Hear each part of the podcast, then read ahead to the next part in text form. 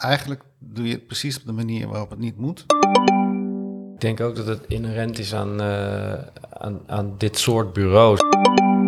Het bedrijf geeft 100% van de winst aan um, goede doelen.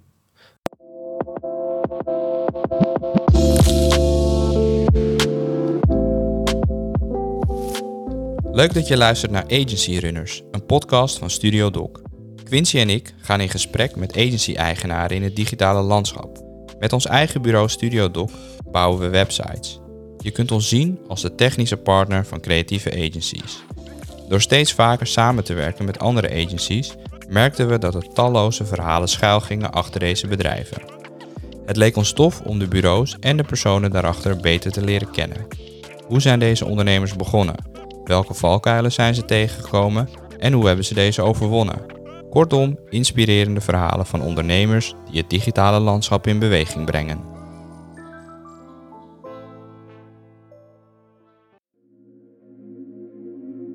Devotion to Motion, dat is waar branding agency Studio Minsk voor staat. Een familie van strategen, storytellers en visual designers zorgen dat jouw merk gaat bewegen met opdrachtgevers in de tv-wereld, bedrijven die volop inzetten op duurzaamheid en goede doelen, helpen zij een brede groep aan klanten met het in beweging brengen van hun merk. Vandaag spreken we Matthias en Bas en natuurlijk beginnen we de podcast met de vraag of zij ook wel eens een podcast aanzetten. Ik niet zo heel veel eigenlijk. Ik uh, luister voornamelijk naar audioboeken, maar geen podcast. Nee. Ik wel, ik luister heel veel podcast. En uh, uh, ook audioboeken, maar ik vind uh, het wel een uitdaging om goede podcasts te vinden. Ik vind 95% van wat ik tegenkom, vind ik echt een heleboel gelul. En het klinkt alsof mensen het ook vooral heel fijn vinden om zichzelf te horen praten. Ja. Um, Weet je wat Quincy en ik hebben hier aan tafel?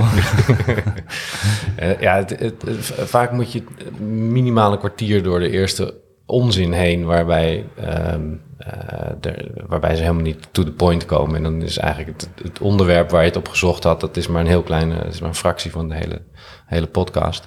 Dus ik um, luister, uh, maar ik luister wel graag naar podcasts, maar dat zijn dan vaak wel best wel professioneel opgezette. Dus ik vind ja. bijvoorbeeld de podcast van de Economist, die hebben een dagelijkse podcast, die is super goed. Mm -hmm. um, die heeft mij ook echt wel overgehaald om daar een uh, abonnement op te nemen.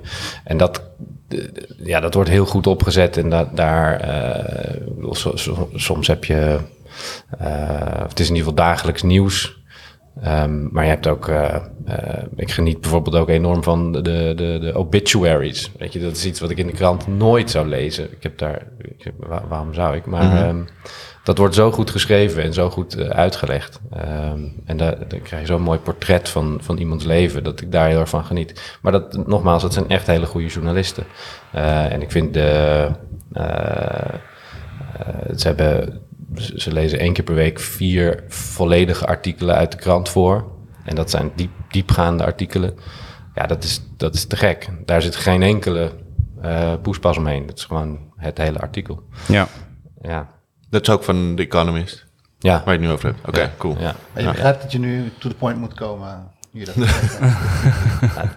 Dit is ook de eerste um, podcast voor ons dat we met twee gasten zitten. Ja. Dat is ook nieuw. Um, maar de luisteraars die zullen nu natuurlijk wel twee, twee verschillende stemmen hebben, hebben gehoord. Um, waar we ook uh, benieuwd naar zijn is waar jullie beiden zijn geboren en hoe jullie de tijd daar hebben, ge, uh, hebben ervaren. Dus ik begin even bij jou, uh, Matthias. Wat een interessante vraag. Ja.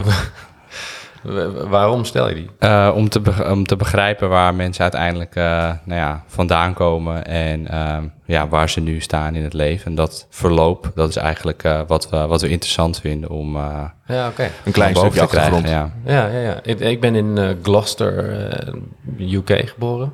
Dat is een, een hele oude stad.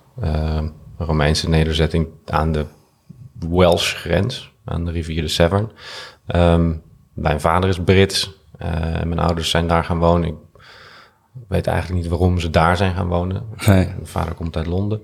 Um, uh, die zijn toen ik twee was gescheiden. En toen ben ik met mijn moeder mee terug naar Nederland gekomen. En um, Eh, ja, dat. Ja. Wel op zich wel een bijzonder verhaal. Dus niet, een, eh, niet het dagelijks verhaal wat je, wat je hoort.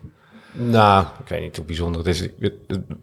Het, is wel zo dat eh, mijn moeder heeft bijna geen familie in Nederland. Ehm, die zitten allemaal aan de, aan de andere kant van de wereld. En ehm, dus mijn, mijn Britse familie, de familie van mijn vader, dat, is, dat, is, dat voelt heel erg sterk als mijn familie. Ja.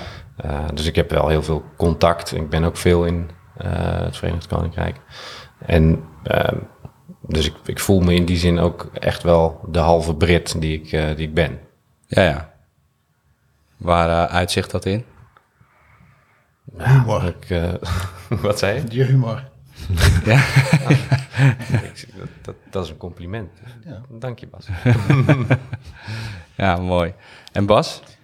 Oh, ik ehm, kom uit Roermond in Limburg. En ehm, ja, daar is verder niet heel veel over te vertellen, denk ik. En mijn moeder komt uit Rotterdam. En mijn vader uit Roermond. En nou ja, en eh, daar heb ik gewoon gewoond tot mijn negentiende. En toen ben ik eh, naar Amsterdam gekomen. Mooi. Voor de Ja. studie. Voor eh studie, ja. Filmacademie heb ik gedaan. Oké. En ben je daar eh, in, in verder gegaan? Of hoe, eh, wat is er toen, eh, toen gebeurd? Na de filmacademie heeft Bas, zoals hij zelf zegt, aan een van de slechtste films van Nederland gewerkt. En vertrok vervolgens naar de filmschool in New York. Na dit afgerond te hebben, kwam hij weer terug in Nederland, waar hij een aantal jaar als zelfstandige gewerkt heeft. Door een dubieuze boekhouder bouwde hij een schuld op waarvan hij zelf niets afwist. Zo werd hij gedwongen om weer in dienst te gaan en kwam terecht bij IDTV. En toen ben ik ehm, bij IDTV terechtgekomen. Die hebben eigenlijk al mijn apparatuur opgekocht, waardoor ik gewoon uit de schuld was. En eh, daar kwam ik eh, Matthias tegen en Oké. Jaco. Ja. Ja. En wanneer was dat? 2008. 2008. Ja, ik heb daar één jaar gezeten. Ja, ja. En Matthias was, een toen al, jaar. en Matthias was toen al een tijdje bezig met Studio, eh, Studio Minsk? Of, eh, Nee, nee, nee. Toen wij, eh, dus even kijken, mijn achtergrond, mijn, mijn, mijn professionele achtergrond is dat ik, ik heb het Grafisch Lyceum in Utrecht gedaan. Ehm, ik, ik moet je bekennen dat ik daar bijzonder weinig geleerd heb. Dat, dat had deels met eh, de chaos van de opleiding toen te maken. Ehm, hebben we vaker gehoord in de podcast. ja. Ja. Ehm, ja, ik denk ook deels met mijn eigen eh, levensfase en, eh, en inzet daar, maar ehm, wel afgemaakt. En toen ben ik gaan, gaan reizen en daarna gaan werken. En alles, alles wat ik heb geleerd, heb ik tijdens werk geleerd en van collega's geleerd. En Ja. ik, ik denk dat dat heel, eh, dat is heel vormend geweest. De mensen met wie ik gewerkt heb, die me, daarin eh, eh, hebben begeleid en voorbeelden gegeven. En vervolgens eh, hoe ik het zelf heb opgepakt.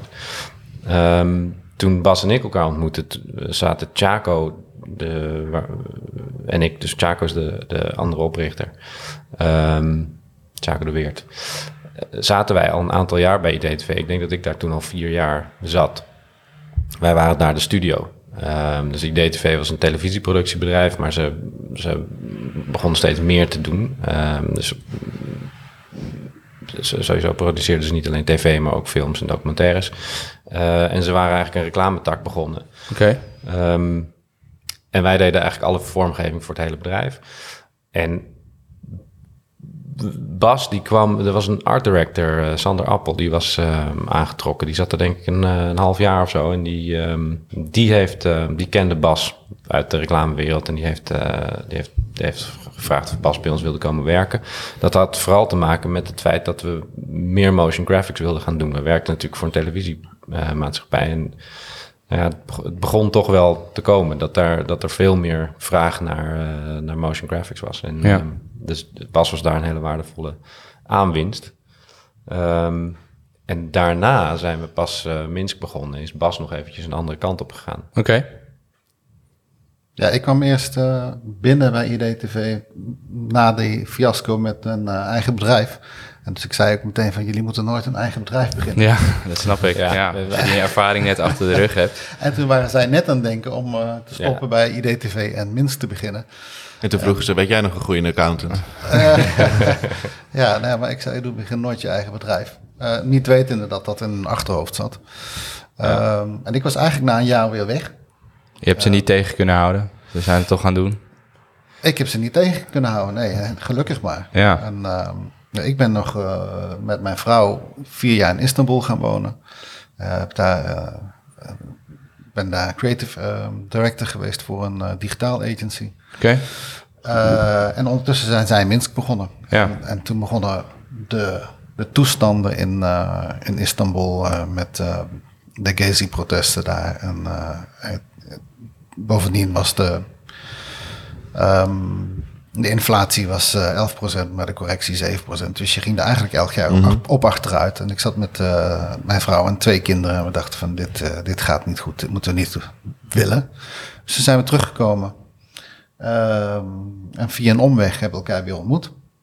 Ja, en in de tussentijd, ja, dus Bas kwam bij DTV. Ik denk dat je op dag één zei, begin nooit je eigen bedrijf. Omdat jij namelijk zo ehm, eh, gewend was geweest om, om eigen baas te zijn. Dat je ook soms, eh, dan, dan, dan dus, gaat Bas kwam in loondienst. En dan waren we hem kwijt. En dus waar is Bas? En niemand wist waar Bas was. En dan kwam je op een gegeven moment 's middags weer terug. En dan zei je, oh ja, ik was even boodschappen doen. Of zo, ik was even naar de tandarts, ik weet niet wat. Of of ik moest mijn kind ophalen van school of zoiets. Maar ja, maar Bas, dat kan niet meer. Je zit nu, je, je hebt nu een contract, je moet hier zijn. Eh, maar en, en de, hoe, jij, hoe gelukkig jij was toen je dan 's ochtends binnenkwam en achter je, achter je workstation ging zitten. En er kwamen de projectmanagers aan en die, en die gaven je werk te doen. En dat je zei, hoef ik je niks, hoef ik hier niks voor te doen? Moet ik het, dat- hoef ik het alleen maar uit te voeren? En je was helemaal... Hoef ik er niet eens achteraan te bellen, hoef ik niet te mailen. Heerlijk, heerlijk. Ja. Ja, eh, in de tussentijd dat Bas in eh, ehm, Istanbul was, ehm, was hier de, de kredietcrisis eh, in, in volle gang. En dat merkten alle, bu- alle bureaus, denk ik. Eh, bij DTV dus ook. En ehm, je, je, je merkte dat niet alleen dat, dat er gewoon minder werk binnenkwam... en dat we het er allemaal minder druk hadden... en daarmee allemaal minder gemotiveerd waren. Ehm, omdat je gewoon minder leuke dingen aan het maken bent. Ja. Uh, maar je merkte het ook gewoon op de werkvloer. Mensen, mensen moesten vertrekken, uh, mensen werden daar zenuwachtig van. De, de, de, de, de sfeer ging vrij hard achteruit. Wij waren al van plan om uh, voor onszelf te beginnen. Uh, wij zaten daar wel heel, heel lekker met vaste contracten. Dus, en, en de, de crisis was, Ja. uh, was in, in volle Ja. gang.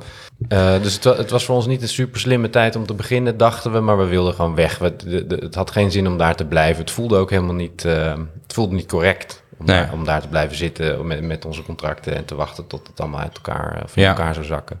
Um, dus wij zijn vertrokken, maar IDTV heeft ons een fantastisch aanbod gedaan dat we een jaar lang um, een, een vaste afname van, uh, aan uren uh, konden schrijven. Oké. Dat is een mooie start. Uh, Ja. dat, dat, dat, dat, heeft ons, dat is totaal onze, onze springplank geweest. Ja. Als, we, als we die deal niet hadden, dan uh, was het een stuk moeilijker geweest. Dus dat is, dat is super. En ik denk dat iedere startende ondernemer uh, echt in zijn handjes mag wrijven met zo'n uh, zo'n deal. Want we wisten, ja, we konden helemaal focussen op uh, nieuw business.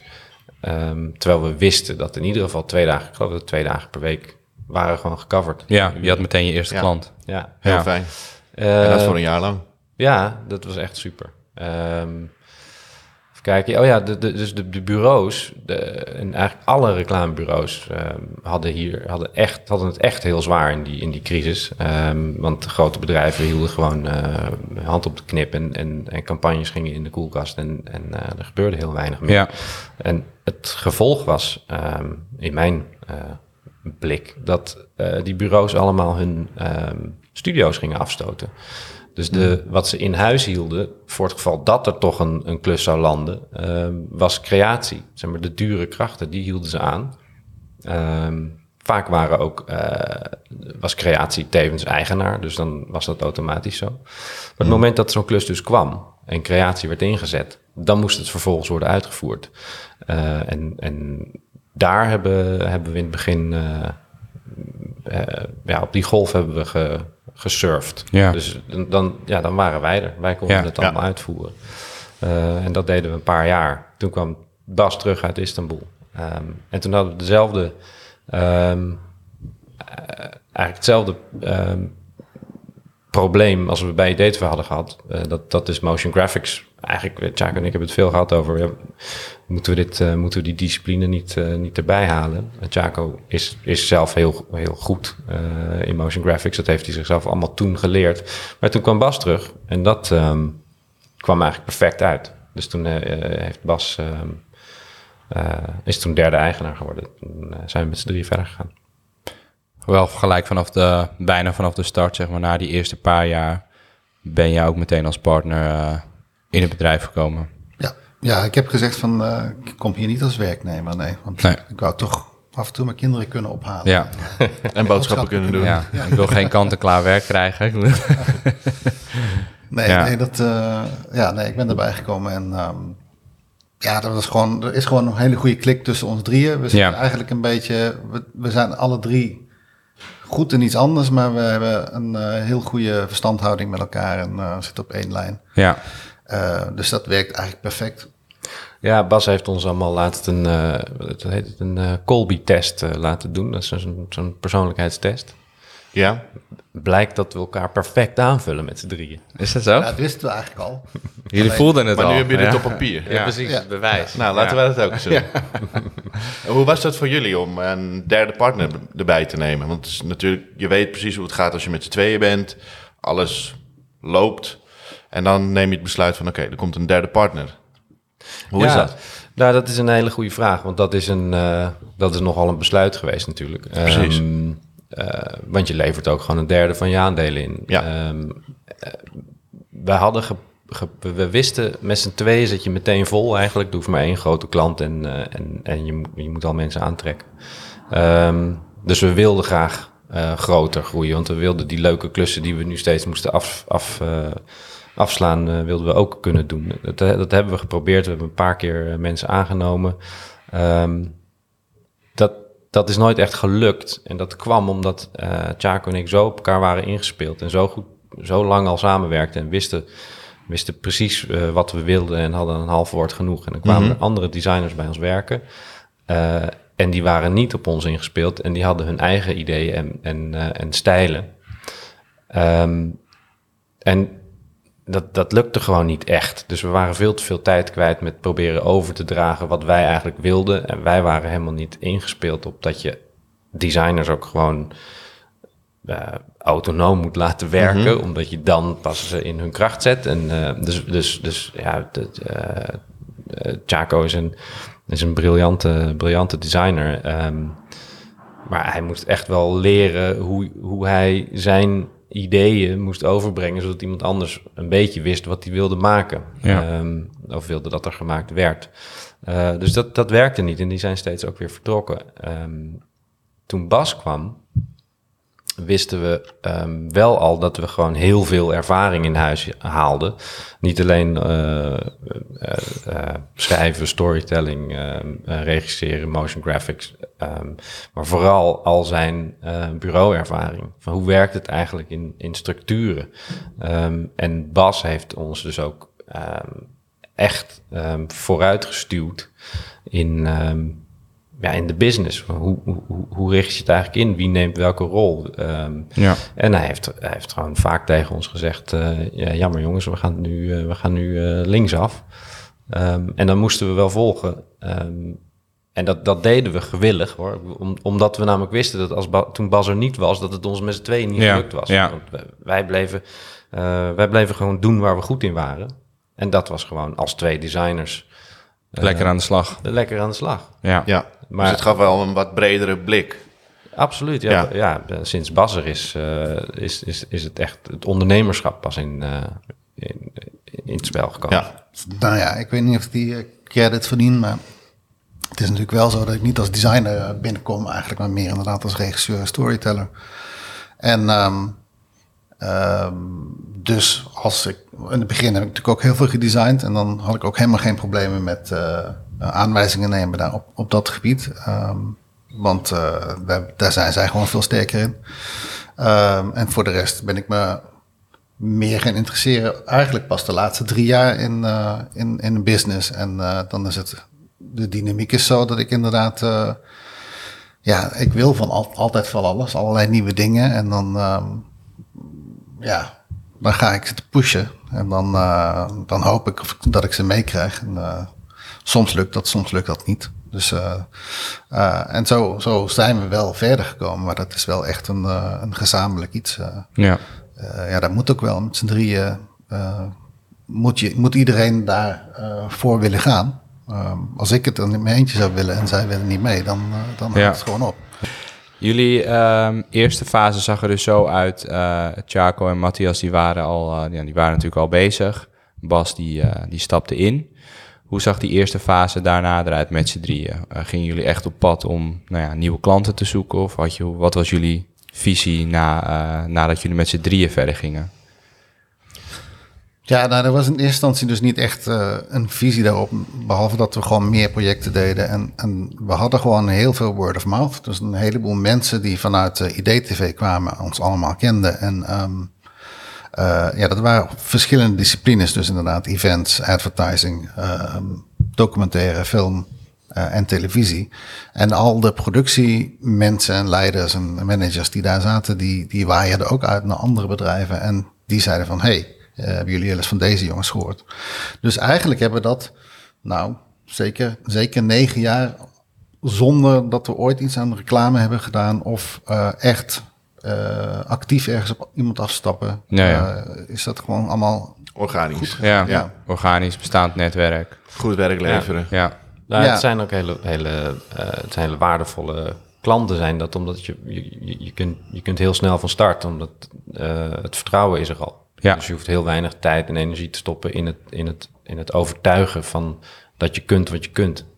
Of, of ze hebben het werk al gezien, of ze weten dat je way of working ja. klopt. Ze, dus de, de, de klant is al overtuigd van je, ehm, van je expertise. En dat, eh, dat zorgt gewoon dat je een hele, een hele fase kunt overslaan. Ja, Ja. een heel sales eh, traject eigenlijk kunt overslaan. Het overtuigen. Ja, Ja, Ja. ja en, dan, uh, en dan wil je verder gaan groeien.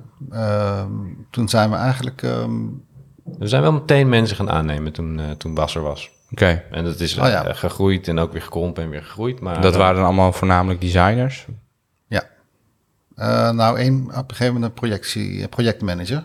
Ja, maar inderdaad designers, motion designers. Dus heel erg op de, op de uitvoering. Ja. Ja, en Ja. dat kon nu hopelijk goed gaan onder de supervisie van Bas. Want dat lukte jullie nog niet helemaal Uh, voorheen, als ik ja. het goed heb begrepen. Nou, dat is geen supervisie van mij. Het is meer van, ik, ik wil dit. En, uh, maar zij wilde dat trouwens ook. Dus het was uh, toch, zeg ik het niet verkeerd, toch? nee, nee, nee, klopt Uh, zeker. Nou, ik denk dat, dat te, tegen die tijd um, had Chaco ook gewoon meer ervaring in het, in het, in het, uh, in het werken met anderen. Ja, ja. Nou ja, er kwam ook nog bij dat ik voornamelijk ook op 3D zat. En als er dan 3D overgenomen moest worden, dan was er niemand om dat te doen. Um, dus toen is uh, Mark erbij gekomen. Ja. En uh, dat, was- die deed echt heftig 3D. Veel, en ook veel beter dan ik kon. Uh, dus, um, um, nou ja, en zo, zo loopt dat dan op een gegeven moment. Ja. Ja, dus we hebben, we hebben zeker in het begin heel veel recruitment op discipline gedaan. Um, Ja, ja. En omdat wij allemaal uit, uit de productie kwamen, uit gewoon het, het uitvoeren van het vak, um, is dat ook de, de, de meest logische manier om, om te gaan groeien. Het is misschien niet de beste manier, maar het is wel het eerste wat in je opkomt. Dat je denkt, oké, we hebben gewoon handen nodig, meer mensen om dit soort dingen te doen. Um, dus op een gegeven moment zitten we met allemaal designers, motion designers, um, maar eigenlijk niemand die dat in banen kan leiden. Of, uh, uh, dus dat, dat begonnen wij, weet je, het begon management te doen. Dus wij Ja. werden op een gegeven moment allemaal projectmanager. ja. En, en dan kun je weer niet doen waar je eigenlijk voor bent. Um, dus uh, ja. ja, dat was wel even een, dat was een les. Ja. Je, je moet ook mensen hebben die, um, ja, die, die, die de boel managen. ja. Hebben jullie lang in zo'n fase gezeten? Ja, vind ik wel. Ja, ja je, je, eigenlijk doe je het precies op de manier waarop het niet moet. En, en, en waarop de meeste agencies volgens mij beginnen, is het zijn toch mensen die, die heel goed zijn in, in wat ze doen. Mhm. En dan ontdekken dat als ze er meer mensen bij halen, dat ze dan uh, ja, dat je gewoon uh, niet meer volledig kunt concentreren op uh, dat waar je heel goed in bent. En ook op andere dingen moet gaan concentreren. En alle onderdelen van de business die daarbij komen kijken. En um, toen we daar achter kwamen, toen, ja, toen heb ik me vooral heel erg geïnteresseerd in de Chris Doe's, uh, de, de Future Pro Group. Ehm, daar heb ik een jaar bij gezeten en dat was ontzettend leerzaam. Ik heb heel veel, heel veel gelezen ook. Ehm, en ehm, daar met z'n drieën heel veel over gepraat. En eh, zo dingen gaan toevoegen, langzaam. Maar zeker van jongens, laten we nou twee wekelijks een uh, directiemeeting doen. Want dan hebben we het gewoon over dit soort dingen. Dan, alle dingen waar we het gedurende de dag niet over kunnen hebben, dan hebben we het dan uh, één keer per twee weken over, een avond. En uh, structureel meetings inbouwen, dat soort dingen. Uh, ja, dat was er daarvoor niet. En dat zijn we gaan doen. Dat heeft heel erg geholpen. Ook gewoon, voor de sturing. Voor de sturing en voor het team. En dat is iets wat je gezamenlijk dus doet. Van die avonden besluit je van oké, dit en dit ja. loopt. We gaan het vandaag niet over projecten hebben. Of vanavond, dat is dan de avonden. Um, we gaan het echt hebben over het bedrijf. Ja. En hoe gaan we dit verder brengen? Welke kant willen we op? Um, en met hoeveel mensen waren jullie dat je op dat moment dacht van we moeten dit nu veranderen? Hoe zag het team eruit? Zeven of zo, zes, zeven. Ja. Ja. Ja. Ja. Hey, je zei net van um, op het moment dat een agency gaat groeien, dan zul je merken dat je steeds zelf minder kan doen waar je goed in bent. En dat is misschien niet de beste manier om een agency te runnen. Wat, wat zou in jullie ogen de beste oplossing zijn daarvoor? Is dat meteen um, goed personeel aannemen die die positie in kan nemen? Nee, Zodra je eigen rol verschuift? Nou ja, je moet zo dan niet beginnen, denk ik. Dan begin je meer met een business achtergrond, denk ik. Um, maar ja, dan heb je misschien ook niet de drive om dit te doen. Dan zou je misschien een ander soort bedrijf willen beginnen. Dus wat dat betreft, als uh, designers wil je wel zo starten, maar je moet eigenlijk snel doorkrijgen van uh, ik moet me echt gaan verdiepen in al die andere dingen. En um, je kunt ook niet uh, bepaalde functies delegeren als je zelf niet weet wat ze inhouden. Dus je zult ook echt alles moeten gaan leren. Mm -hmm. Ja. Dus sinds, uh, zo uit maar, ja, sinds 2008, 2010 zijn jullie, uh, zijn jullie bezig. Hoe ziet ehm, Studio, Studio Minsker vandaag de dag uit? Uh, vandaag de dag is er, is er heel veel veranderd ten opzichte van een jaar geleden. Um, we hebben echt hele grote veranderingen doorgevoerd. Um, met name Q1 van dit jaar, Q2. Um, ehm, dus er is, er, is veel zwaarder op uh, uh, projectmanagement ingezet. Um, met dank aan Daantje Dammers. Die luistert mee. En nou, heel veel processen zijn er uh, ingevoerd. ik denk dat we een heel ander bedrijf zijn nu. Wat, wat de, ik denk een van de valkuilen um, waar wij in, ingestonken zijn en nog steeds, nog steeds wel af en toe tegenaan lopen, is um, als je zelf uit productie komt, um, dan ben je altijd een. Uh, dan kan planning altijd op jou terugvallen. Dus de vraag is: uh, oké, er is te veel werk. Wat, uh, wat mhm. zullen we doen? Gaan we iemand inhuren? Kunnen we dat intern oplossen? nou, we hebben een 3D-project. Oké, dan, dan nou ja, Bas, kan je inspringen? Oké. En dan is Bas uh, een paar, paar weken weer, weer zoekt op een klus. Dat betekent dus twee weken of een paar weken, hoe lang die klus ook duurt, dat hij niet met zijn growth ideeën bezig is. Um, en dat, ja, daar, daar moet je echt mee oppassen. Dus je, je moet wel ook op je strepen staan en zeggen, nee, dan huren we dus iemand in. Ja. Um, het is natuurlijk ook afhankelijk van het, uh, van het project. Maar bijvoorbeeld Chaco, de, de, de uh, creative director, um, die is nog veel meer op de vloer. Dus zijn rol is ook veel meer om met de projecten bezig te zijn. Um, dus als Chaco een keer invalt om een, uh, om een concept te verzinnen en, en te schetsen, fijn, dat is zijn, dat is zijn werk. Ja. Um, maar ja, iemand als Bas of, of iemand als ik moeten daar eigenlijk zo min mogelijk mee bezig zijn. Ja. Ergens is het natuurlijk ook wel heel gek, want daar begint altijd de expertise. Hetzelfde hier. En naarmate je groeit, moet je er eigenlijk steeds minder mee bezig zijn. Ja. Ja, en je hebt je eerste klantcontact meestal ook, omdat je een groot netwerk hebt van mensen die je mhm. kent en die, uh, die spreken jou aan. Um, en ook als je nieuwe business naar binnen haalt, dan, um, dan ben jij degene waar ze mee spreken. Maar dan moet je dat op een gegeven moment gaan overgeven aan je projectmanager. Want um, zoals het bij ons tot een jaar, een jaar geleden nog ging, was het dat het inderdaad allemaal in onze hoofden zat. Van Tjaco, Matthias en van mij. En ehm, ehm, nou ja, als er dan één iemand niet beschikbaar was, dan wisten we eigenlijk niet wat, waar we aan toe waren. Tenminste, als de projectmanager daarvan wist wel. Maar dan om even vragen te stellen, dat was gewoon heel lastig. Terwijl nu hebben we, nou, we hebben dus een jaar geleden van een Daantje Dammers aangetrokken. En die heeft ons heel erg gecoacht daarin. Ehm, en die heeft eh, dit soort processen eigenlijk uh, vergemakkelijkt. En ehm, gezegd van, uh, jongens, jullie moeten dit gaan opschrijven, in een systeem zetten, zodat jullie, ehm, zodat het overal te lezen valt voor elke projectmanager. op het moment dat jullie er niet zijn. En dat ze het ook gewoon helemaal kunnen overnemen. En dat gebeurt op dit moment. En nou ja, daardoor zijn wij nou, ik vooral voor een groot deel, heb eigenlijk nog heel weinig met productie te maken. Matthias nog wel. Die uh, moet toch een beetje loslaten.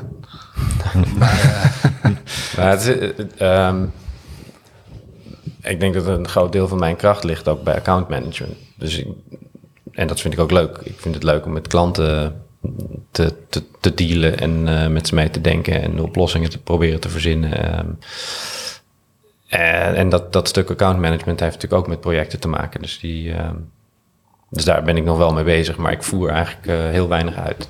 Daarvoor hebben we gelukkig nu allemaal hele goede designers. Uh. je voert weinig ja, dat kan je op ja. meerdere manieren opvatten. Ja, ja. dat wil Bas niet horen. we hebben het nog niet echt inhoudelijk over Studio Minsk gehad. Um, ik heb uh, op jullie portfolio verschillende type uh, projecten voorbij zien komen. Hoe zou je Studio Minsk nou ja, in een minuut pitchen, bijvoorbeeld? Nou ja, het, het, is heel simpel. Het is een, een branding agency, uh, zoals ze het in het Engels zeggen. Ja. De, devotion to motion. Dus we, we hebben heel veel, uh, uh, we hebben veel motion designers in dienst. ik denk dat ieder branding traject moet je motion in meenemen, hoe klein het ook is of hoe groot het ook is. Het is gewoon een onderdeel van, van zo'n traject en daar, daar zetten wij zwaar op in. Iedereen heeft een beeldscherm in zijn broekzak zitten het is onomstotelijk bewezen dat bewegend beeld uh, de aandacht trekt. Uh, wat het ook is, of het, weet je, dat, het, het, hoeft maar heel minimaal te zijn, of het kan heel uitgebreid zijn, maar als iets beweegt, trekt het meer aandacht dan als het ja. niet beweegt. Um, en, en dat is wat je wil bereiken voor ja. je klanten. Dus ja, dat, ja, precies. dat is Minsk. Dus zwaar op design. Het moet er absoluut mooi uitzien. Dat overtuigt. En het moet bewegen, of nou, het mag bewegen. Er moet een bewegend element of component bij, want dat trekt aandacht. Ja. Uh, en kan vaak ook iets beter communiceren. Ja, dan wil ik er nog aan toevoegen dat daarnaast gewoon de storytelling en het, het, verhaal wat de klant wil vertellen natuurlijk heel belangrijk is. En dat je met, um, met motion eigenlijk, uh, ja, kun je natuurlijk ook emotie uh, teweeg brengen door de manier waarop je iets vertelt. en dat is heel belangrijk om ja, om, om mensen en klanten te bewegen om, om actie te ondernemen. En dat, uh, ja, dat is de toegevoegde waarde van Motion voor ons. Ja, cool. En hoe zouden jullie uh, de onderscheidende factor omschrijven van Minst ten opzichte van andere branding agencies? Nou, vooral dat um, in het, de allervroegste fase die, die dat motion element al wordt meegenomen. Um, ik denk in, in heel veel gevallen worden, uh, worden hele branding trajecten uh, opgezet, de strategie gedaan, uitgevoerd. En aan het eind wordt nog een bewegend logootje gemaakt. Of zo. Mm -hmm. Terwijl de, de, de hele communicatie um, en, en de, hele, de hele brand moet gewoon een, een bewegend element hebben. Een, en dan bedoel ik niet één element, maar een, een, een manier waarop het beweegt en waarop het jou beweegt. Um, ik denk dat dat onderscheidend is. Dat we dat vanaf het begin meenemen. Ja, ik denk dat het ook wel heel onderscheidend is. Ja. Ik heb dat nog niet uh, veel vaker eerder gezien. Vaak nog helemaal niet, moet ik zeggen. Kun je een, uh, kan een van jullie een, uh, samen natuurlijk, een, een, case belichten waarin je zegt van dit is wat, hoe we in contact zijn gekomen met een, met een bepaalde klant. Welk probleem we hebben opgelost en hoe we dat uiteindelijk tot nou ja, ja, zogeheten deliverables van de klant hebben gebracht. Hoe is dat van A tot Z gegaan? Dus zeg maar om eigenlijk een beeld te schetsen voor iemand die totaal niet weet hoe zo'n proces gaat. Wat doen jullie dan? En hoe ziet dat eruit? Nou, ik, als, als het mag, zou ik een paar dingen willen belichten en dan wat korter. dus maar. in, in, in plaats van, van, van, van A tot Z het hele. Ja, als maar gewoon een mooi eh, duidelijk beeld krijgen van eh, wat, wat Ja, jullie doen. Kijk, elke klant heeft een eigen, eh, een eigen uitdaging. En, en, ehm, en ik denk dat een van de krachten van Minsk is dat we ons eh, heel graag verdiepen in die uitdagingen. Dus dat we het echt leuk vinden om. om ehm, eh, ja, een van de dingen die, die, die we leuk vinden aan het werk is, is dat je. ja, iedere klant heeft weer totaal anders. En, en beweegt in een totaal ander veld. En je dat eigen maken en echt begrijpen waar het eigenlijk in zit en welke doelgroep je dan dus eh, wil aanspreken. Ehm, dat is heel erg leuk. En, en dat is zo divers. Ehm, om dus een paar voorbeelden te geven. Dat eh, ehm, een klant van ons eh, is eh. Ehm, dat is een, een klant die hebben we via Pascal de Wijs, een communicatiestratege. En die, die, die klant is super interessant. Op, op een heel ingewikkeld werkgebied. Het is namelijk zo dat je, eh, even heel, heel kort proberen te houden. Ehm, iedere ehm, hoogspanningsnetwerkbeheerder, ehm, dus dat, dat zijn, dat, ieder land heeft daar maar één van als het goed is. Er zijn uitzonderingen. Die, hebben, die, die, beheren het, het, netwerk. Hè? Die zorgen dat, dat, dat het de stroom eh, er altijd is en dat dat op, hetzelfde, op eenzelfde frequentie draait en eh, dat het eh, licht al- iedere ochtend aangaat. Ehm, die hebben sinds kort een best wel fenomenaal probleem met, met de hernieuwbare energie. Dus ehm, eh, je, je, je, kunt, je kunt energie niet goed opslaan, je moet het meteen gebruiken. Ehm, op een, op een, er komen steeds meer windmolens en zonnepanelen bij, maar op een, een, een windstille winteravond, waarop iedereen thuis komt, begint te koken, eh, zijn auto wil opladen, tv aanzet, lichten aandoet, dan krijg je gigantische piekbelasting Ja. op het moment dat er helemaal geen stroom geleverd wordt. Ehm, en andersom ook zo. Hè? Dus als er heel veel wind en, en, en zon is, volgens mij was er van de zomer nog eh, dat, dat de overheid opriep om mensen die een jacuzzi hadden, om die aan te zetten, omdat, omdat de stroom van het net ja, dan, dan ben je natuurlijk helemaal verkeerd om aan het denken. Ehm, Vroeger konden ze, of ja, dat kunnen ze nog steeds, maar straks niet meer, konden ze gewoon een gascentrale harder of zachter zetten. En ik zeg het nu heel simpel en gechargeerd, het is natuurlijk allemaal niet zo makkelijk, maar dat, dat, in, in feite is dat wat je kon doen. Je kon gewoon meer leveren ehm, wanneer er tekorten ontstonden. Straks kan dat niet meer. Ehm, en Equigy is een systeem, ehm, wordt geverifieerd op de blockchain, wat zorgt dat alle elektrische auto's en thuisbatterijen en dat soort dingen, eigenlijk alle, alle eh, apparaten die, Die met veel, opslaan. veel energie omgaan in, in en rondom een huishouden, Mhm. dat die collectief kunnen worden gebruikt om, als er een overschot op het net is, om die allemaal, dan kan je bij wijze van spreken gratis je auto opladen. Eh, en als er een tekort op het net is, dan kun jij in jouw app aangeven, jij mag vannacht eh, mijn auto tot 20% leeg trekken als je hem maar om acht uur weer vol achterlaat, zeg maar. Dus die, je kunt, ehm, het heet ook het, crowd balancing platform, omdat dat crowd is heel erg belangrijk. Die, het gaat namelijk om het collectief. Als, als individu eh, is, is je autobatterij gigantisch. Daar kun je een paar dagen lang je huishouden op laten eh, draaien als je zou willen. Ehm, maar je kunt er natuurlijk niet het energienet van Nederland mee, eh, mee beheren. Maar wel als je al Ja. die auto's samen eh, kunt aanspreken. gaat allemaal algorithm to algorithm. Dus je kunt niet... eh, je, je hebt er als gebruiker eigenlijk helemaal geen... Merk je er niks van. Al- al- Als je het systeem gebruikt kun je in, in, in, theorie... be- bepaalt het Equigy systeem... als jij de was aanzet, of die de energie van het net haalt wanneer het heel goedkoop op- op het net is, of dat die de energie even uit je auto haalt als het op het net heel duur is. Ehm, en dat gaat allemaal, allemaal vol automatisch. Een super interessant systeem. En wat ik het mooist vind, is dat het een echt heel groot wezenlijk probleem Ja. oplost. Ja.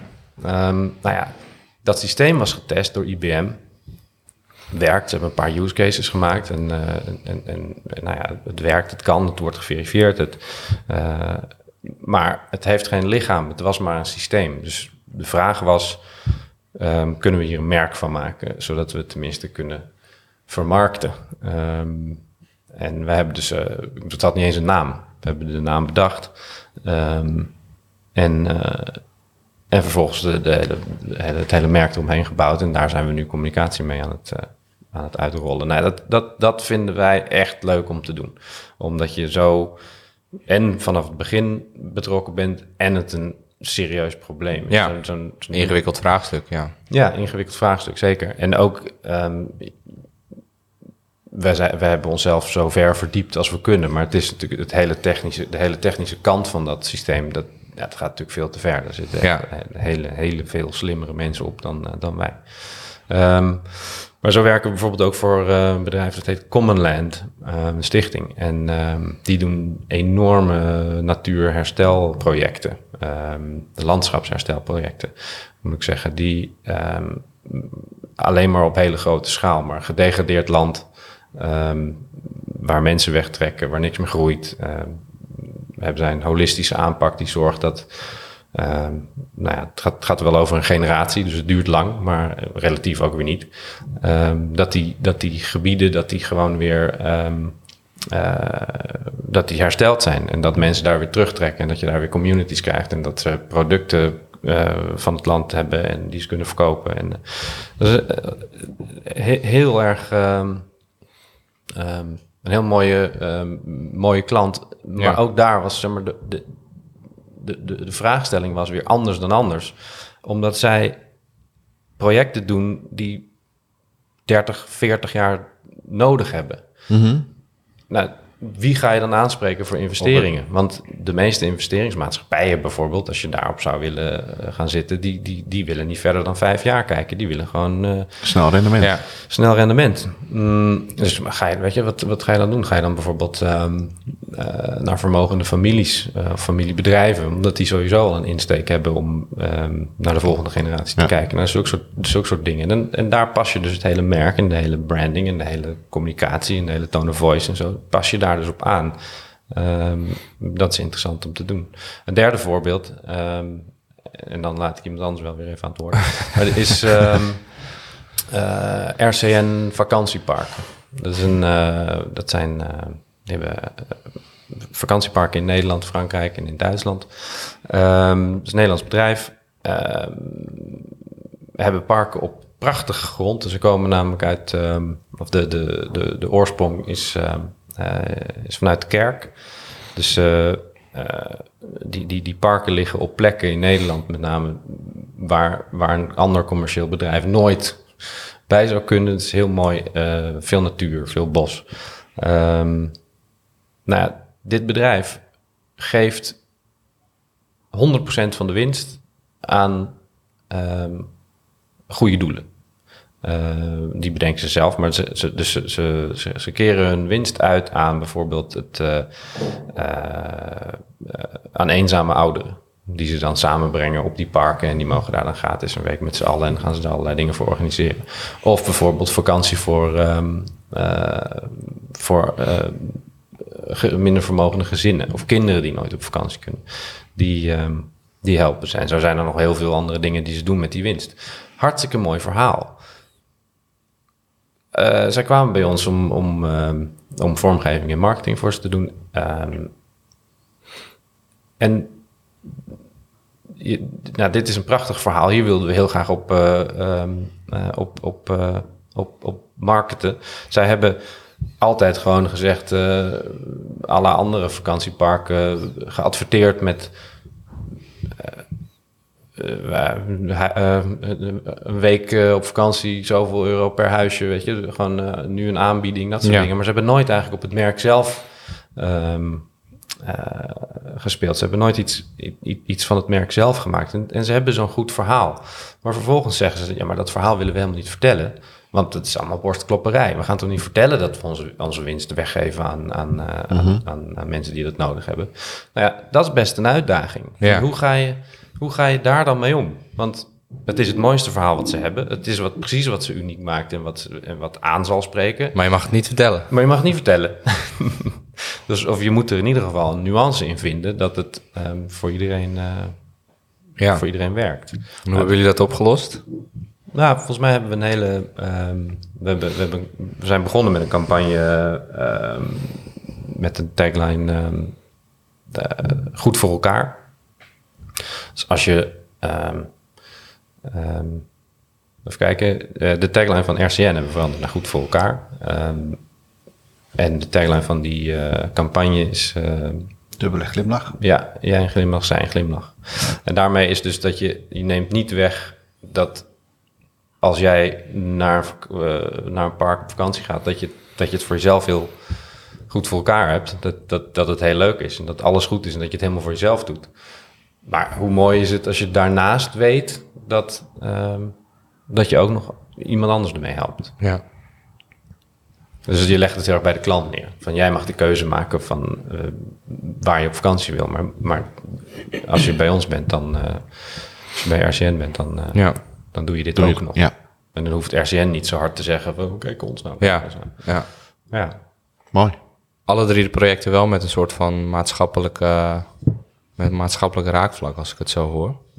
Ja, de, ehm, Is dat een rode draad binnen jullie eh, projecten? Of? Niet per se. Ehm, ik denk wel dat, ehm, dat we er veel energie van krijgen als het zoiets, als het zo'n thema heeft. Ja. Maar we vinden het net zo leuk om, eh, om, om super commerciële dingen te Ja. doen en commercials te maken die, eh, die er gewoon heel tof uitzien Ja. en heel goed verkopen. En eh, weet je, het, Heb je daar nog een voorbeeld van? Wat jullie misschien Ja, ik wil- recentelijk hebben ik gedaan? wou nog wel even zeggen dat wat, wat we echt niet willen, ehm, maar ik denk dat, dat daar eh, dat, dat ook heel veel mensen dat zullen zeggen, maar ehm, we willen niet. Kijk, je zit natuurlijk in promotie van dingen in, in, in- eh, en we willen geen dingen promoten waar we tegen zijn. Of die we, waar- waarvan je denkt dat is beter, beter dat dat niet de toekomst in gaat. Nee, Ehm, dus daar, daar letten we wel wel erg. ja. Ja. ja, een voorbeeld van hele commerciële dingen. Ehm, ja, ook genoeg. Ja, dat hebben we de laatste tijd gedaan. We hebben iets voor commercial gedaan voor Plus supermarkten. Dan ja, veel, help me even. nou ja, ik, vind, ik ben nog altijd heel trots op de Zeeman-campagne die we een aantal jaar geleden hebben gedaan. ehm, voor, voor de sneakers. Alles 3D, Ja. alles moest Ja. er super gelikt uitzien. Het moest, het moest kunnen eh, concurreren of het moest lijken op zeg maar, een nieuwe product launch van, eh, van Nike of Adidas. En, eh, en, en de lol was juist dat daar heel erg mee geteased ging worden. En, ehm, eh, en, en, en dat je een hele community op de been krijgt van, oh, er gaat iets gebeuren. En dat het uiteindelijk Zeeman was. Dat, Ja. was, dat, was een, dat was een wijze klapper. Dat was superleuk. En het zag er heel goed uit. eh, dat Ja, was, eh, Zag dat er was- heel mooi uit, ja. Heeft ook je wel daar- wat teweeg gebracht. Ja, het was een groot succes. Ja, Absoluut. Hoe ben je daar dan binnengekomen bij zo'n klant als Zeeman? Via Cariola, geloof ik. Cariola van Wel via bestaand, eh, Ja. bestaand netwerk. Nou, we hebben het sowieso samen gedaan met... ehm, wij zijn zeg maar ingehuurd door ehm, Het is van Persuade. Persuade, ja. Ja, dus Persuade had het account. eh Persuade had het idee. Mhm. Ehm, en wij hebben ze geholpen met de Ja, uitvoering precies, van. ja. Ja. Doen jullie ook wel eens pitches voor eh, nieuwe, nieuwe projecten? Nee, we, we hebben op een gegeven moment gezegd, we doen geen pitches meer. En ehm, als we een project zien dat we wel heel erg leuk vinden en zouden, graag zouden doen, dan sturen we een, eh, een deck op met eh, werk dat we eerder hebben gemaakt. Misschien eh, video's die vergelijkbaar zijn. Eh, maar we zijn gestopt met pitchen. Ja. Ja, het is, je, merkt toch dat te veel klanten ehm, de, de, de code daaromheen niet kennen. Ehm, en dat je het moet uitleggen. En ik vind het gewoon om, om meerdere bureaus te vragen om hun grootste goed, namelijk hun creatie, al eh, weg te geven. Ehm, meestal onbetaald. Eh, ja, ik, ik, ik, ben, ik ben daar gewoon zo niet mee eens. En ik vind Nee. dat dat de markt zo verziekt. Ehm, en eh, eh, ja, ik, ik denk dat, dat die, die, die, die potentiële klanten, die, die, die realiseren zich niet ehm, hoeveel resources een, een pitch kost. Je bent er soms weken mee bezig en je moet je helemaal in... Je moet eigenlijk gewoon die klus aannemen, bij wijze van spreken. Ja. Ehm, om alleen maar die pitch te doen. Om, Ja. om vervolgens... Ja, ik, ik, ik denk 9 van de 10 keer wist ik van tevoren al of we de pitch gingen winnen of niet. Omdat je namelijk gewoon iemand intern kent. eh, Die, die jou heeft gebeld en gezegd: hey, je moet pitchen, maar eh, ik, ben, ja, ik ben verplicht om nog een paar bureaus uit te nodigen, maar Ja. het komt toch goed. Ja. Zoiets. Ja, ik ben er gewoon echt tegen. Nee. En ik vind, ehm, soms komen we er niet onderuit, omdat een, een bedrijf namelijk eh, echt niet anders kan. Dus ehm, eh, twee jaar geleden hebben we voor de gemeente Amsterdam gepitcht. Ja, de gemeente Amsterdam voor, voor die budgetten kan niet zeggen, nou, we willen graag met Minsk werken. Die moeten, Ja, een, moeten er aan besteden. Die moeten het aan besteden. Dus in dat geval, als het, als het project mooi genoeg is en, we, en het is een klant die we, eh, waarvan we weten, eh, dit, dit wordt een, eerlijk, een eerlijke pitch, een eerlijk proces, ehm, dan overweegt het wel en dan, Ja. doen- en dan doen we het wel. Ehm, maar eh, nee. Nee. Hoe komen jullie vandaag de dag verder aan, eh, aan nieuwe klanten? Nog steeds word of mouth, maar we zijn wel steeds meer bezig ook om eh, echt actief erop uit te gaan. Ehm, Hoe En- doe je dat dan? Ehm, toch via LinkedIn en via mensen die we al kennen. Ehm, dus eh, om referrals vragen. Eh, de SEO eh, helpt eh, heel erg goed op dit moment. Eh, merken we gewoon echt dat mensen via Google ons vinden, toch? Oké. En dat is eh, via de blogpost. Dus dat, dat is niet direct eh, cold calling of zo. Maar Nee. ehm, Dan is het toch wel een aanleiding om gewoon contact te hebben met elkaar. ja, ja. Komen daar goede eh, partnerships of goede klanten uit? Ja, we hebben net een heel leuk project gedaan voor Channable. Eh, dat is ook een, eh, ehm, een bedrijf in Utrecht die een eh, softwareoplossing hebben voor eh, PPC. En ehm, mm, die, die verbinden zeg maar platformen met elkaar, waardoor je Ja. ehm, eh, snel in kunt spelen op veranderingen in je. Eh, in de dingen die je verkoopt, in je Ja, een services. soort of van producten. eh, product feed ook volgens Ja, mij. mhm, ja. Richting de marketplaces. Ja. En die hebben ons eh, via, via gevonden gewoon. En Oké. die hebben gebeld en eh, die, toen hebben we onze website gezien. Die zeiden van, oh, dat ziet er wel goed uit. En, Ja. eh, laten we er eens mee praten. En die hebben dan, die bellen een aantal andere agencies natuurlijk. Ja. Maar daar zijn we mee gaan praten en ehm ja, er is een hele leuke samenwerking uit voortgekomen. ja. Ja, Mooie campagne geworden, vind ik. ja, ja. leuk geworden. Hoe Ja. gaan jullie... eh, sorry, jij wilde nog iets toevoegen. Eh, nee, volgens mij wilde ik alleen maar zeggen dat het heel, een, Een hele leuke campagne een hele leuke klant is om Ja. voor te werken. Het, is gewoon, eh, het heeft een hele sterke start-up mentaliteit. Inmiddels Ja. zijn ze al hartstikke groot en slagvaardig. Maar ze, ja, het voelt nog heel, het is heel persoonlijk. Het is niet corporate. Het Nee. is hartstikke leuk. Nee. Ja, en ik wou nog één voorbeeld geven van, van een account wat heel echt wel puur commercieel is. Ehm, dat is eh, eh, Perfect Pro, een, een eh, radio. ehm, eh, die verkopen bouwradio's. Dus indestructible radio's die je onder water kunt houden, van de stijger kunt gooien en, dat die, en, en wel een paar dagen lang draaien. Ehm, dit hebben we via Tussen, hebben we die klant gekregen. Ehm, Anneke Bos en Mijntje Kuipers. Dit, dit, dit bedrijf eh, bestond al heel lang. En die radio's werden al heel lang verkocht. En ze hadden heel veel modellen. Ehm, maar wat, wat er nodig was, was een rebrand. Ehm, zodat ze eh, eigenlijk de, de, de, de eigenaar die zei tegen ons: van ja, ik, volgens mij heb ik een heel goed, eh, goed, goed bedrijf in handen, een heel goed merk. Ehm, en ik wil dit heel graag internationaal eh, gaan uitrollen, maar ik durf het eigenlijk niet tegen mijn internationale vrienden te laten zien. Nee. Dat is gewoon een beetje gênant. Dus er moest, eh, er moest echt iets, eh, eh, iets gebeuren. Dat is ook puur, puur in branding. Dus we hebben, dit, we hebben dat merk gewoon een, een, een hele nieuwe look gegeven en een nieuwe tone of voice. En, en ze zijn ook bezig gegaan met het, het, het, het herontwerpen van de radio zelf en de hele product line. eh, hebben ze veel, veel leaner gemaakt. Ehm, en, en dat is gewoon, dat, je ziet hoe goed dat werkt. Er zijn, eh, ja, ze opereren nu in, eh, in, in heel veel landen en eh, verkopen overal. Ik bedoel, het is gewoon tof. Het is ineens een bekend merk. Ze Ja. net met, hebben ze een samenwerking met, met Bosch zijn ze aangegaan. En ze, ze zijn, ze zijn het enige bedrijf wat nu die samenwerking in die vorm voor het Ample, wat is het, eh, zijn aangegaan met Bosch, wat, wat, wat niet een miljard omzet of meer draait. Ja.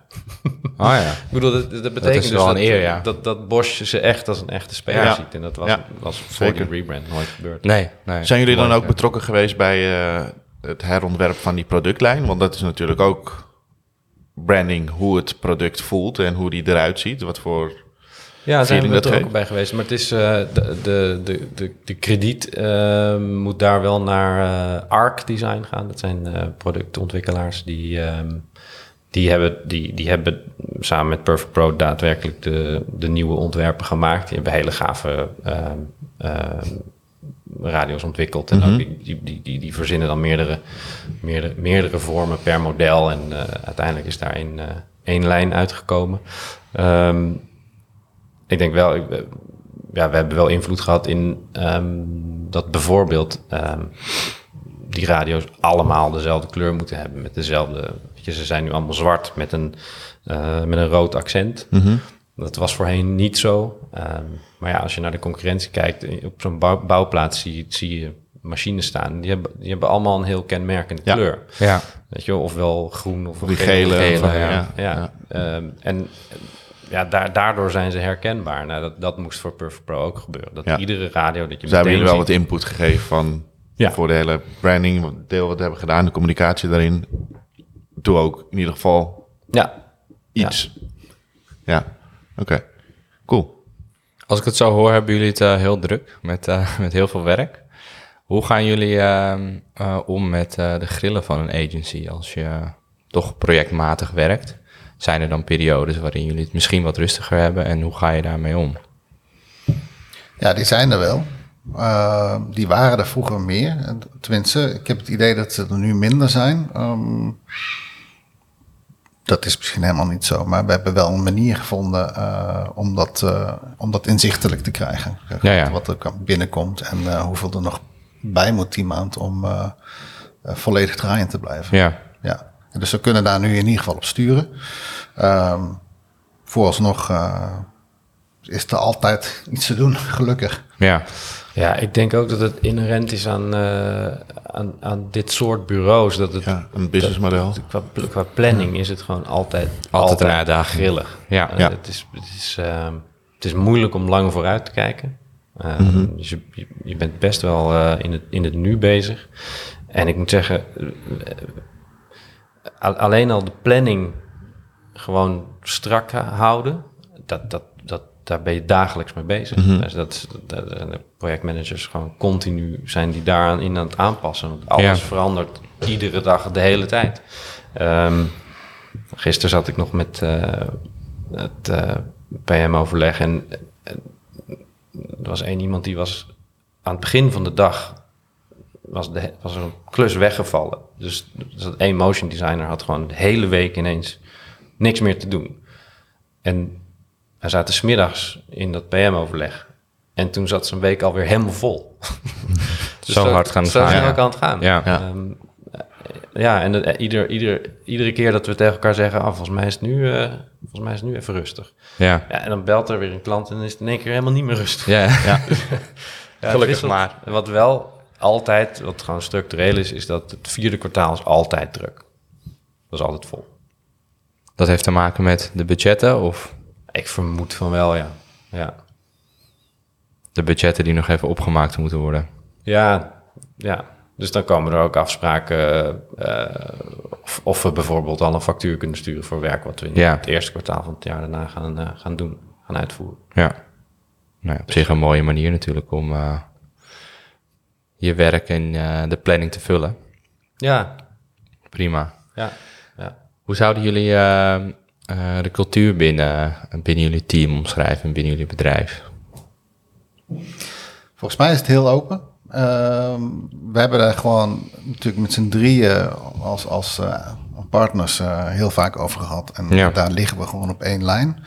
Um, we zijn in het begin, toen we mensen gingen aannemen, hebben we daar niet zo heel erg op gelet. Want we willen gewoon iemand die heel goed dit of dit kan. Ja. En dan kom je er toch achter van, oh, ja, die persoon die kan dat wel heel goed, maar die kan niet goed communiceren. En dan, dat werkt dan niet.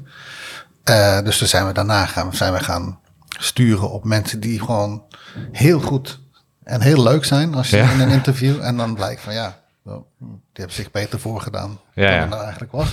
Ja. Ehm, ja, dus we zijn op een, gegeven, op een gegeven moment de laatste tijd steeds meer gaan sturen op ehm, eh, bij in het aannameproces al van nou, oké, een aantal vragen die zijn leuk en die, die, vinden wij leuk en dit zou dit soort mensen moeten aantrekken. En we wachten ook op echt de soort antwoorden die daaruit voortkomen. En dan zeggen we oké, eh, daarnaast zien we natuurlijk het werk. En dan is het een, eh, eigenlijk een combinatie van die twee, waardoor we zeggen van oké, kom langs. Eh, en ehm, dan hebben we een gesprek. Als dat gesprek goed gaat, hebben we daarna nog een, eh, een proefdag eh, waar die persoon meeloopt. ja. Ehm, Dan ook de rest van het team leert kennen. ja, en precies. kijkt, En dan zie je ook een beetje hoe die binnen het team valt. En, Ja. eh, of, of, of het iemand is die lekker meepraat of, of die heel schuchter in een hoekje gaat zitten. Ehm, eh, of geen dingen vraagt of wat dan ook. Dus dan kom je er heel snel achter wat voor soort persoon het is. En, en wij zijn natuurlijk gewoon veel, na al die jaren, eh, weten we gewoon duidelijker waar we naar op zoek zijn. Ja, En eh, dus ik, ik heb het idee dat we dat nu wel heel goed eh, de, de goede mensen aantrekken iedere keer. Ehm, en daarnaast is het zo dat wij zelf helemaal niet van autoriteit houden. Dus de meesten zijn, of iedereen is eigenlijk vrij om gewoon binnen te komen wanneer die wil. ja. Dat wil zeggen,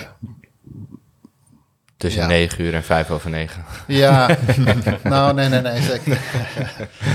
Nee, maar eh, ja, weet je, iedereen moet gewoon zijn eigen verantwoordelijkheid nemen. Ja. Dus als jij zegt, ik kom, eh, ik kom te laat en eh, we hebben een meeting, nou dan mis je de meeting. Ja, dan is het dat is jammer. Ja. Maar ook, dan verwachten we ook dat je of langer doorgaat, maar als, als er werk is en er moet werk gedaan worden, dan moet het gewoon af. Maar ehm, van mij mag je de hele avond door als je dat graag wil. En je wil Ja. om, va- om, om vier uur sm- smiddags beginnen. Dan zou dat in principe kunnen. Met goed overleg. Het is niet, niet altijd even handig natuurlijk, want je wil toch samenwerking hebben met mensen. Maar in Ja. principe zijn we wat dat betreft heel erg open. En ik denk dat dat voor de sfeer in, op kantoor heel erg eh, goed is. Fijn is, ja. Ja. Ja, dat, eh, dat vinden we echt wel belangrijk. Dat het open is. Dat Ja. mensen, ehm, ja, dat er weinig hiërarchie is. Dat je je vrij kunt voelen. eh. Dat je niet, eh, dat ook niet onzeker hoeft te zijn over bepaalde dingen. Je kunt gewoon alles, alles bespreken, ook Ja. met elkaar. Ehm, en het, eh, ja, inderdaad, dingen, dingen als werktijden. dat is heel concreet. Van die, ja, als je je eigen verantwoordelijkheid maar neemt. en, en je kunt ons ook altijd aanspreken op onze verantwoordelijkheden. Ja, Eh, maar ik denk dat dingen vooral gewoon heel erg bespreekbaar zijn. ja. Ik denk dat het qua cultuur wel goed zit bij Ja. ons. En hoe krijg je mensen mee in jullie, in jullie visie? Want als bureau willen jullie natuurlijk ergens naartoe. Hoe ehm, zorg je dat je met z'n allen de juiste, de juiste kant op gaat? Nou, ik denk dat we daar nog wel, eh, daar hebben we in het verleden wel steken laten vallen. Dat je, dat, dus wat Bas net zei van die, die twee, weken, twee wekelijkse eh, managementoverleg. Dat, Ja, Dan zijn wij ontzettend bezig met het bedrijf en waar we heen willen en, eh, en wat we willen doen en met wie. En, en, en, en iedere twee weken, dus we zitten er bovenop. Ehm, en we hebben allerlei ideeën, maar vervolgens vergeten we dat te communiceren naar het team. ja, Ehm, en daar, eh, dus nou, daar, daar, dat willen we eigenlijk gewoon voorkomen nu door veel vaker, eh, ook met het team, eh, eh, dit te overleggen. Sowieso één keer per jaar eigenlijk een soort eh, eh, een, een, een visiepresentatie. Ja, ja. Waar gaan we eigenlijk heen met z'n allen? En wat is er gebeurd en wat, wat willen we bereiken in de verschillende kwartalen in het komende jaar? En eh, waar gaan we aan werken en waar, waar hebben jullie een rol in te spelen? ja, Ehm, en eh, Bas is net gestart met, ehm hoe noem je het? Think Tank Thursdays. Ja. ja, dat is ook een van die dingen die, die ik merkte en eh, die Daantje ook eh aanwees. Is, eh, ja, ik ben allemaal leuke dingen aan het verzinnen. Wij met z'n drieën zijn leuke dingen aan het verzinnen. En dan kun je ze wel communiceren, maar dan is het nog steeds niet dat mensen denken van nou, dan leuk of zo. ja, Eh, er is geen, hoe zeg je dat? Buy-in. Geen buy-in, ja precies. Dus, eh, dus het is nu meer die Think Tank Thursdays zijn we dan nou gaan introduceren met dingen waar wij over nadenken, waar we eh, graag in verder zouden willen. Ehm het gaat bijvoorbeeld over, afgelopen week ging het over de lead magnet, volgende maand gaat het over NFT's. Eh, dat we kijken naar behalve de ideeën die wij daarover hebben, eh, hoe ziet eh, het team dat? Ja. En, ehm, en, en Ja, gewoon feedback verzamelen. feedback verzamelen, hun Input, ideeën. En ja. dan zie je ook gewoon dat er gewoon vaak veel betere ideeën Ja. zijn. Die, Gelukkig die maar. je niet zelf gezien had. Ja. Nee, en dat is ook echt, eh, behalve dat dat natuurlijk betere ideeën oplevert. Ja. ehm, heb je ook die buy-in op dat moment, eh, hoop je in ieder geval. We moeten nog gaan zien natuurlijk. Ehm, maar dan, ja, dan zijn mensen echt geïnvesteerd in, ehm, in wat we dan gaan doen in de toekomst. En dan weten ze waarom we het doen. Eh, en, dat, en dat is heel belangrijk. Ja. Ja. ja, dat is zeker belangrijk. Ik denk ook in de groei is het natuurlijk gewoon fijn om iedereen mee te krijgen. En En mee te nemen. mee Ja. te nemen. En wat, je, wat jullie zelf ook zeggen, die open cultuur, dat kan juist misschien ook enerzijds wel ingewikkeld zijn. Maar daardoor, door er veel over te praten en eh, die, die inzichten te geven, denk ik dat je nou ja, mensen met je meekrijgt en eh, de juiste kant op gaat. Ja, ik, vind open cultuur is volgens mij niet heel moeilijk, omdat wij alle drie dat soort personen zijn. Dus ik, vertel je rustig mijn hele leven, eh, Ja. als je het wil horen. Ehm, liever niet, denk ik, maar... Nou, we kunnen er een tweede aflevering aan plakken. Dat is helemaal geen probleem. Nee, nee, maar het gaat erom dat, je, dat, je, dat wij als persoon gewoon zo zijn. En, en de mensen die wij aantrekken zijn ook mensen waar we gewoon graag mee, Ja. eh, Ja. eh, waar we goed mee overweg kunnen en die, die er hetzelfde in zitten. Wat zijn voor jullie mooie kanten van, de, van het ondernemerschap? Los van de vrijheid die Bas natuurlijk eh, vanaf het begin er al in had. Nou, die vrijheid die valt wel mee hoor. Ja. Eh, tenminste, eh, natuurlijk is de vrijheid, maar je, bent natuurlijk, je moet ook het voorbeeld geven. Dus eh, eh, ik, het is niet zo dat ik even makkelijk een dag vrij neem of Nee. zo. Dat ik toch, ik wil toch ook als eigenlijk liefst als eerste binnen zijn en als laatste weggaan. Dat horen ook iedereen zeggen in de podcast. Oké, ja. Maar is ja. het Ja. puur alleen om het voorbeeld te geven? Om er dan al te zijn? Of heeft dat Ja. andere redenen? Ja, nee, nee, dat is de, nou ja, soms nog eerder komen omdat je gewoon even ongestoord wil werken Ja. misschien. Maar eh, nee, dat is wel de reden. Ik vind dat, het, eh, dat je als eigenaar dat je wel eh, het goede voorbeeld moet geven, ja. Ja. Ik denk dat de breedte van het werk, eh, dat is het leukst. Wat zou de meest waardevolle les zijn, als je het zo moet, moet omschrijven, vanuit ondernemerschap? Dat je de afgelopen tijd hebt, eh, hebt geleerd? Ja, ik denk vooral ehm, ver- verdeelde rollen goed. Dus zorg dat je, eh, dat je daar dan ook dedicated op kunt werken. Ja. Het is zonde om energie te stoppen in, ehm, in dingen waar je, die je of eigenlijk niet zo heel erg leuk vindt, of e- waar je eigenlijk niet zo heel erg goed in bent. En dan, is, dan, dan ga je daar tijd in stoppen. Terwijl als je wel weet waar je wel goed in bent, dan moet je je tijd daarin stoppen. En dan moet je andere mensen vinden die die andere dingen gaan doen. Ja. Ja, ja dat is ook even de reden waarom we die Colby's zijn gaan doen op een gegeven moment. Van kijken van waar ligt onze kracht en ehm, eh, hoe kunnen we zien eh, binnen al de dingen die we doen, welke, welke mij het minst aanspreken en welke mij het leukst lijken. En, en dan zie je dat dat ook klopt binnen zo'n profiel dan. En, ehm, nou, dat, heb, dat wisten we natuurlijk al een beetje. Eh, Dus we hebben die verdeling hadden we al gemaakt. Ehm, ja, en dan eh, inderdaad, dan, dan ga je met nog meer plezier naar je werk. Want Ja. dan ben je altijd be- bezig met de dingen ehm, die je bezighouden en de dingen die het bedrijf sneller verder kunnen krijgen. ja. Ja. En hoe gaan jullie om met work-life balance? Want je zegt plezier houden in je werk natuurlijk. Hoe zorg je dat je plezier blijft houden en ehm, zeg maar de mix tussen privé en werk, dat in balans houdt? Ja, ik vind het altijd moeilijk. Ik vind werken zo leuk. Dus ik ben altijd blij als ik mag werken.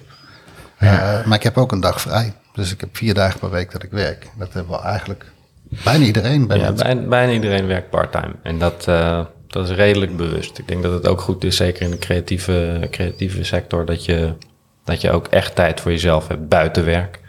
Eh, waarin je je eigen, je eigen hobby's ontwikkelt en tijd hebt voor, voor de dingen die je...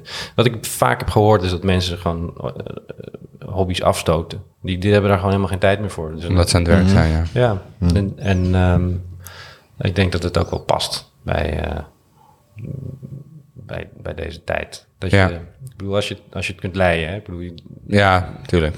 Ja. dat moet natuurlijk wel kunnen. Maar als, ehm, eh, nou, ik sprak laatst iemand die, die fulltime werkt en daar heel erg van baalt. En die zegt van ja, ik ben gewoon eigenlijk, nou ja, ik ben vijf dagen per week uh, aan het racen met werk en dan kinderen. En, en uh, ik ben helemaal geen leuke moeder meer. En, en in het weekend zit ik alleen maar, uh, ben ik alleen maar errands aan het, aan het, aan het afwerken en familiebezoek. En ik kom gewoon nooit aan mezelf toe. En die werd, dat was, dat was een ongelukkig persoon. Ja. en ik denk dat als je die balans net iets anders inricht, bijvoorbeeld door één dag per week minder te werken nogmaals, als je, dat, al, Ja. als je in de positie bent om dat te kunnen, dan, ehm, dan, dan, geeft, dat, dan geeft dat heel veel eh, eh, persoonlijk gewin, denk ik. Ja. En dus we, we doen dat allemaal. En ik denk dat eh, zeker voor, voor eh, Jacobas en mij geldt dat we natuurlijk op, op die, die extra vrije dag zijn we eigenlijk altijd wel aan het werk. Maar het is een ander soort werk, omdat je ehm, niet op kantoor bent. Dus ik ben vooral bijvoorbeeld eh, eh, eh, heel veel aan het bellen. Want dat kan ik ook thuis als ik de was op sta te vouwen of een Ja. wandeling maak of zo. Ja. Ik hoef daarvoor niet op kantoor te zijn. Dus ik kan, ik kan allerlei dingen doen op die, op die dag ehm, waar ik misschien op kantoor juist niet goed aan toe kom. Maar dat geeft mij wel ehm, vrij veel rust om zo'n dag te hebben in de week. Ja. En ik denk dat, ehm, voor, dat voor mij geldt in ieder geval dat corona vond ik lastig eh, dat thuiswerken, omdat ik altijd een super duidelijke schifting heb gemaakt tussen ehm, werk en thuis.